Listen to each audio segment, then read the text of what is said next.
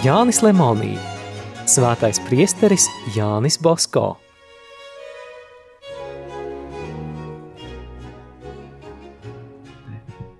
Laikā, kad priesteris Bosko uzturējās Romā, nomira Toskānas valdnieks Leopolds. Pirms nāves priesteris Bosko viņam sniedza slimnieku sakramentu un aizvēra viņa acis. Visi klosteri un ievērojamās ģimenes Jāni Bosko aicināja pie sevis svinēt svētās mises. Tomēr kopumā ņemot, šoreiz priesteris Bosko Romā vairs neradīja tādu satraukumu kā 1868. gadā. Kāpēc? Varbūt tādēļ vien, ka toreiz viņš visiem jautātājiem apgalvoja, ka revolūcija Romu neskars. Bet tagad sāka piesardzīgi ziņot, ka varbūt arī Romu tā sasniegs. Šis pravietojums nevienu vien atstūma no viņa. Kad Turīnā kļuva zināms, ka Roma jau okupēta, priesteris Bosko atradās Lanco. To dzirdēdams viņš nemaz nebrīnījās. Citiem tas bija pavisam nesaprotami. Dumpinieku armijai tuvojoties, viens otrs pāvestam ieteica Romu atstāt. Pīs devītais jautāja priesterim Basko, ko darīt. Pāvestam vilcinoties, karstgalvi vēl vienmēr viņu mudināja, bet viņš atteica: Pagaidīsim, ko atrakstīs priesteris Basko. Jānis Basko ilgi lūdzies caur uzticamām rokām deva šādu atbildi. Izrēļa eņģelis un sardze stāv savā vietā un apsargā dieva klinti un svētās savienības bagātības. Šo vēstuli izlasījis Pīs 9. atsauca visus ceļojumam dotos norādījumus un no Romas prom nebrauca, kaut gan ievērojamākās personas viņam ieteica bēgt. Otru lielu pakalpojumu Bosko baznīcai izdarīja 1871. gadā. 60 diecēzēm trūka bīskapu. Tajos laikos, kad bezdīvība visur izplatīja savu propagandu, bīskapies bez bīskapiem bija kā ganāmpulks bez ganiem. Dvēselēm draudēja vislielākās briesmas no visām pusēm. Atkal priesteris Bosko iejaucās šajā jautājumā, un atjaunojās sarunas starp Svēto krēslu un Itālijas valdību.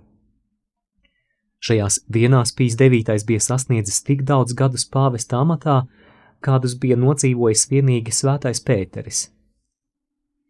Priesteris Bosko izlūdzās audienci un visu augstākajam ganītājam pastāstīja par situāciju diecēzēs, kas bija bez bīskapiem.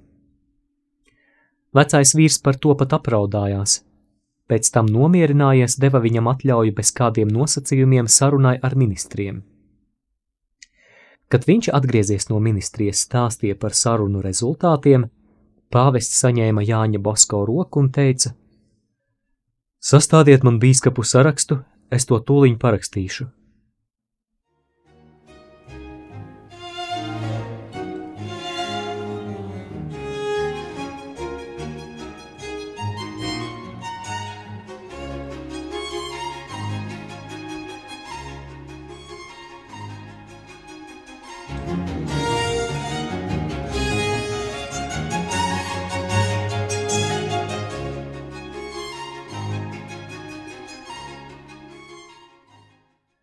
Augustā priesteris Bosko bija Romā, un no turienes tūliņ aizbrauca uz Monferrato grāfa Karsijo vasarnīcu.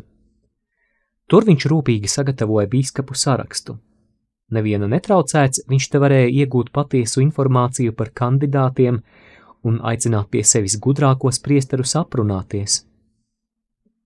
Kādu dienu villā kopā ar viņu pusdienoja 18 ģenerālvikāru. Tajā laikā arī Turīnas diecēze bija palikusi bez ganītāja. 1870. gada oktobrī nomira arhibīskaps Rikardī. Priesteris Bosko gribēja, lai par Turīnas bīskapu ieceltu viņa seno draugu bīskapu Gastaldī. Pīs devītais bija citās domās, bet pēc Bosko lūguma tam piekrita. Ja jūs tā vēlaties, tad tas arī notiks, atteica pāvests. Vai Jānim Bosko par šo iecelšanu bija daudz prieka, tas ir cits jautājums. 1871. gada 2. oktobrī konsistorijā tika apstiprināti vairāk nekā 40 bīskapi. Kaut gan valdības atļaujas izraudzītajiem nebija, tomēr viņi varēja darboties savās diecēzēs. Taču nevajadzētu domāt, ka priesteris Bosko tādos blakus darbos iegrimis. Būtu aizmirsis rūpēties par saviem zēniem. Tikko atgriezies oratorijā, viņš atkal uzņēmās grūto un svētīgo audzināšanas darbu. Pēc pēdējās atgriešanās no Romas Jānis Basko īpaši nolēma pateikties Dievam par dažām svarīgām privilēģijām, ko svētais krēsls bija piešķīris Salesiāņu kongregācijai. Viņš nolēma uzrakstīt divas grāmatas - Marijas Kristīgo palīdzības novennu un Pija devītā dzīves priecīgākos notikumus. Otrajā grāmatiņā Jānis Bosko aprakstīja neparastus notikumus pie devītā dzīvē un viņa lielo žēlsirdību. Tālāk ar piemēriem un interesantās sarunās viņš parāda, kā svētā katoļu ticība vada cilvēci uz mūžīgo laimi, cik stiprām saitēm tā saistīta ar sabiedrību, palīdzot panest ciešanas un ceļot materiālo labklājību. Baznīca dodas palīgā, kad uzbrūk nelaime. Tā sniedz padomu, kad māc šaubas, tā iepriecina skumjās un nevarībā.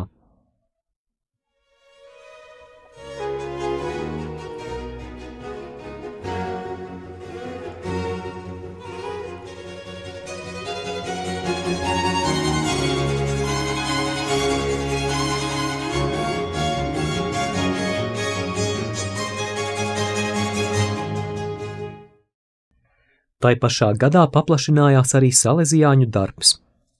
1870. gadā ar pie 9. atļauju un svētību Bosko apņēmās vadīt Alasio pilsētiņas ģimnāziju un pamatskolu. Gadu vēlāk viņš nodibināja otru institūtu Marasio pilsētā, kas atrodas pie Dženovas. 1872. gadā šo institūtu pārcēla uz Dženovas priekšpilsētu Sanpierdarēnu. Tur salezijāņiem piešķīra plašas klostera ēkas un skaistu baznīcu. Par Alasio ģimnāzijas direktoru tika iecelts priesteris Francesco Čeruti, bet Sanpiera dēnā priesteris Paolo Albērs. Tai pašā 1870. gadā priesteris Bosko divas savas iestādes pārcēla uz izdevīgākām vietām - Mirabello uz Borgo San Martino, bet Karasko iestādi uz Varadzi 1870. gadā notika bijušo salīdzjāņu audzēkņu salidojums. To organizēja Kārlis Gastīnī, oratorijas grāmatcējēju skolotājs, kuram priesteris Bosko bija devis patvērumu. 1847. gada 24. jūnijā baznīcā sapulcējās daudz bijušo priesteri Bosko audzēkņu, lai piedalītos sava tēva misē. No turienes viņi Jāni Bosko aizveda uz kādu lielu zāli, kas šai svētku dienai par godu bija grezni uzposta. Lieki piebilst, cik šis brīdis priestera Bosko sirdī bija mīļš. Viņš tūliņ izmantoja izdevību, lai aicinātu savus bijušos audzēkņus, kas tagad bija jau vecāki, arī savās ģimenēs ieviest un nostiprināt oratorijas garu. Pēc svinīgās jaunā arhibīskapa Gastaldī ievadīšanas amatā priesteris Bosko apmeklēja savas jaunās iestādes. Jau dodoties ceļā, viņš jutās nevesels. Ieradies varadzē viņam liels ceļa gabals bija jāiet kājām, līņāja, pūta ass vējš.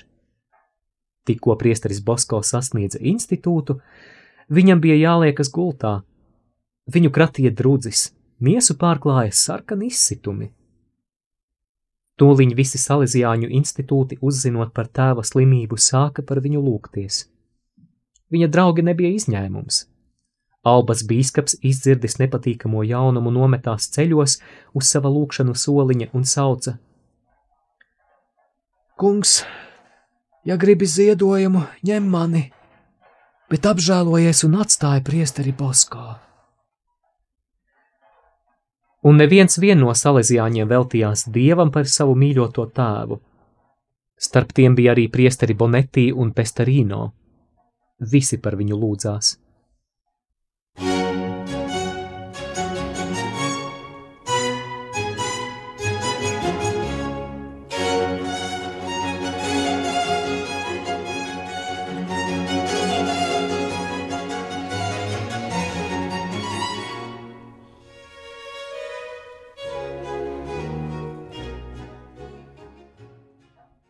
Tēva veselība sāka uzlaboties. 31. decembrī attaicinājis visus varadzes salīdzjāņus pie savas gultas, viņš tiem paskaidroja, ko nozīmē svēto rakstu vārdi: klausiet savus priekšniekus un pakļaujieties viņu valdīšanai, jo viņi līdzinās tiem, kuriem jādod atskaite par jūsu dvēselēm. Veselības stāvoklis arvien vairāk pasliktinājās. Pīs 9. sūtīja Jānim Bosko apustulisko svētību. Nepatīkamie izsitumi viņa ādu liekas klāja jau 14. reizi. Kad slimnieks saņēma pāvesta svētību, viņš sāka atveseļoties. 14. janvārī viņš piecēlās no gultas, kādas pāris stundas pastaigāja. Jaunieši viņu ieraudzījuši sāka vienā balsī saukt: Lai dzīvo priesteris Baskā! Vienā acu mirklī visi audzēkņi jau bija augšā pa kāpnēm pie priestera Bosko. Neviens nespēja viņus atturēt. Jānis Bosko atsēdās lielā krēslā un smaidīdams pieņēma katru atsevišķi ar to aprunādamies. 15. februārī priesteris Bosko atgriezās Turīnā.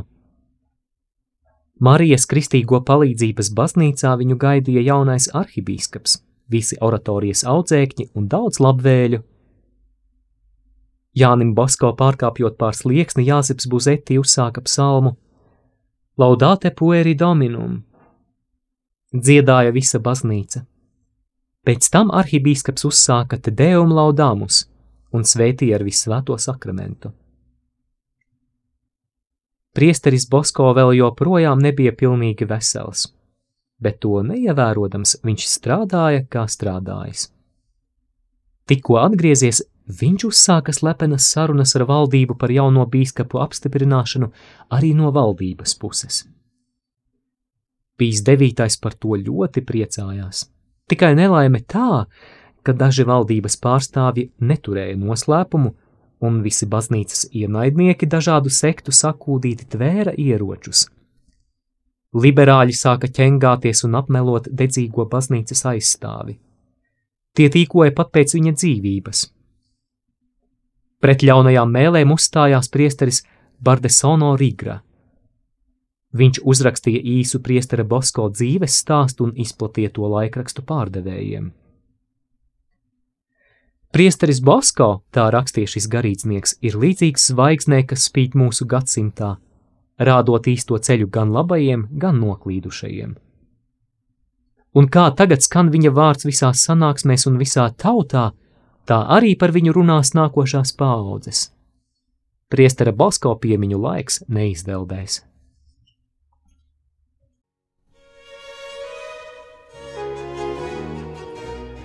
Izskanēja lasījums no Jāņa Lemonija grāmatas Svētais priesteris Jānis Bosko.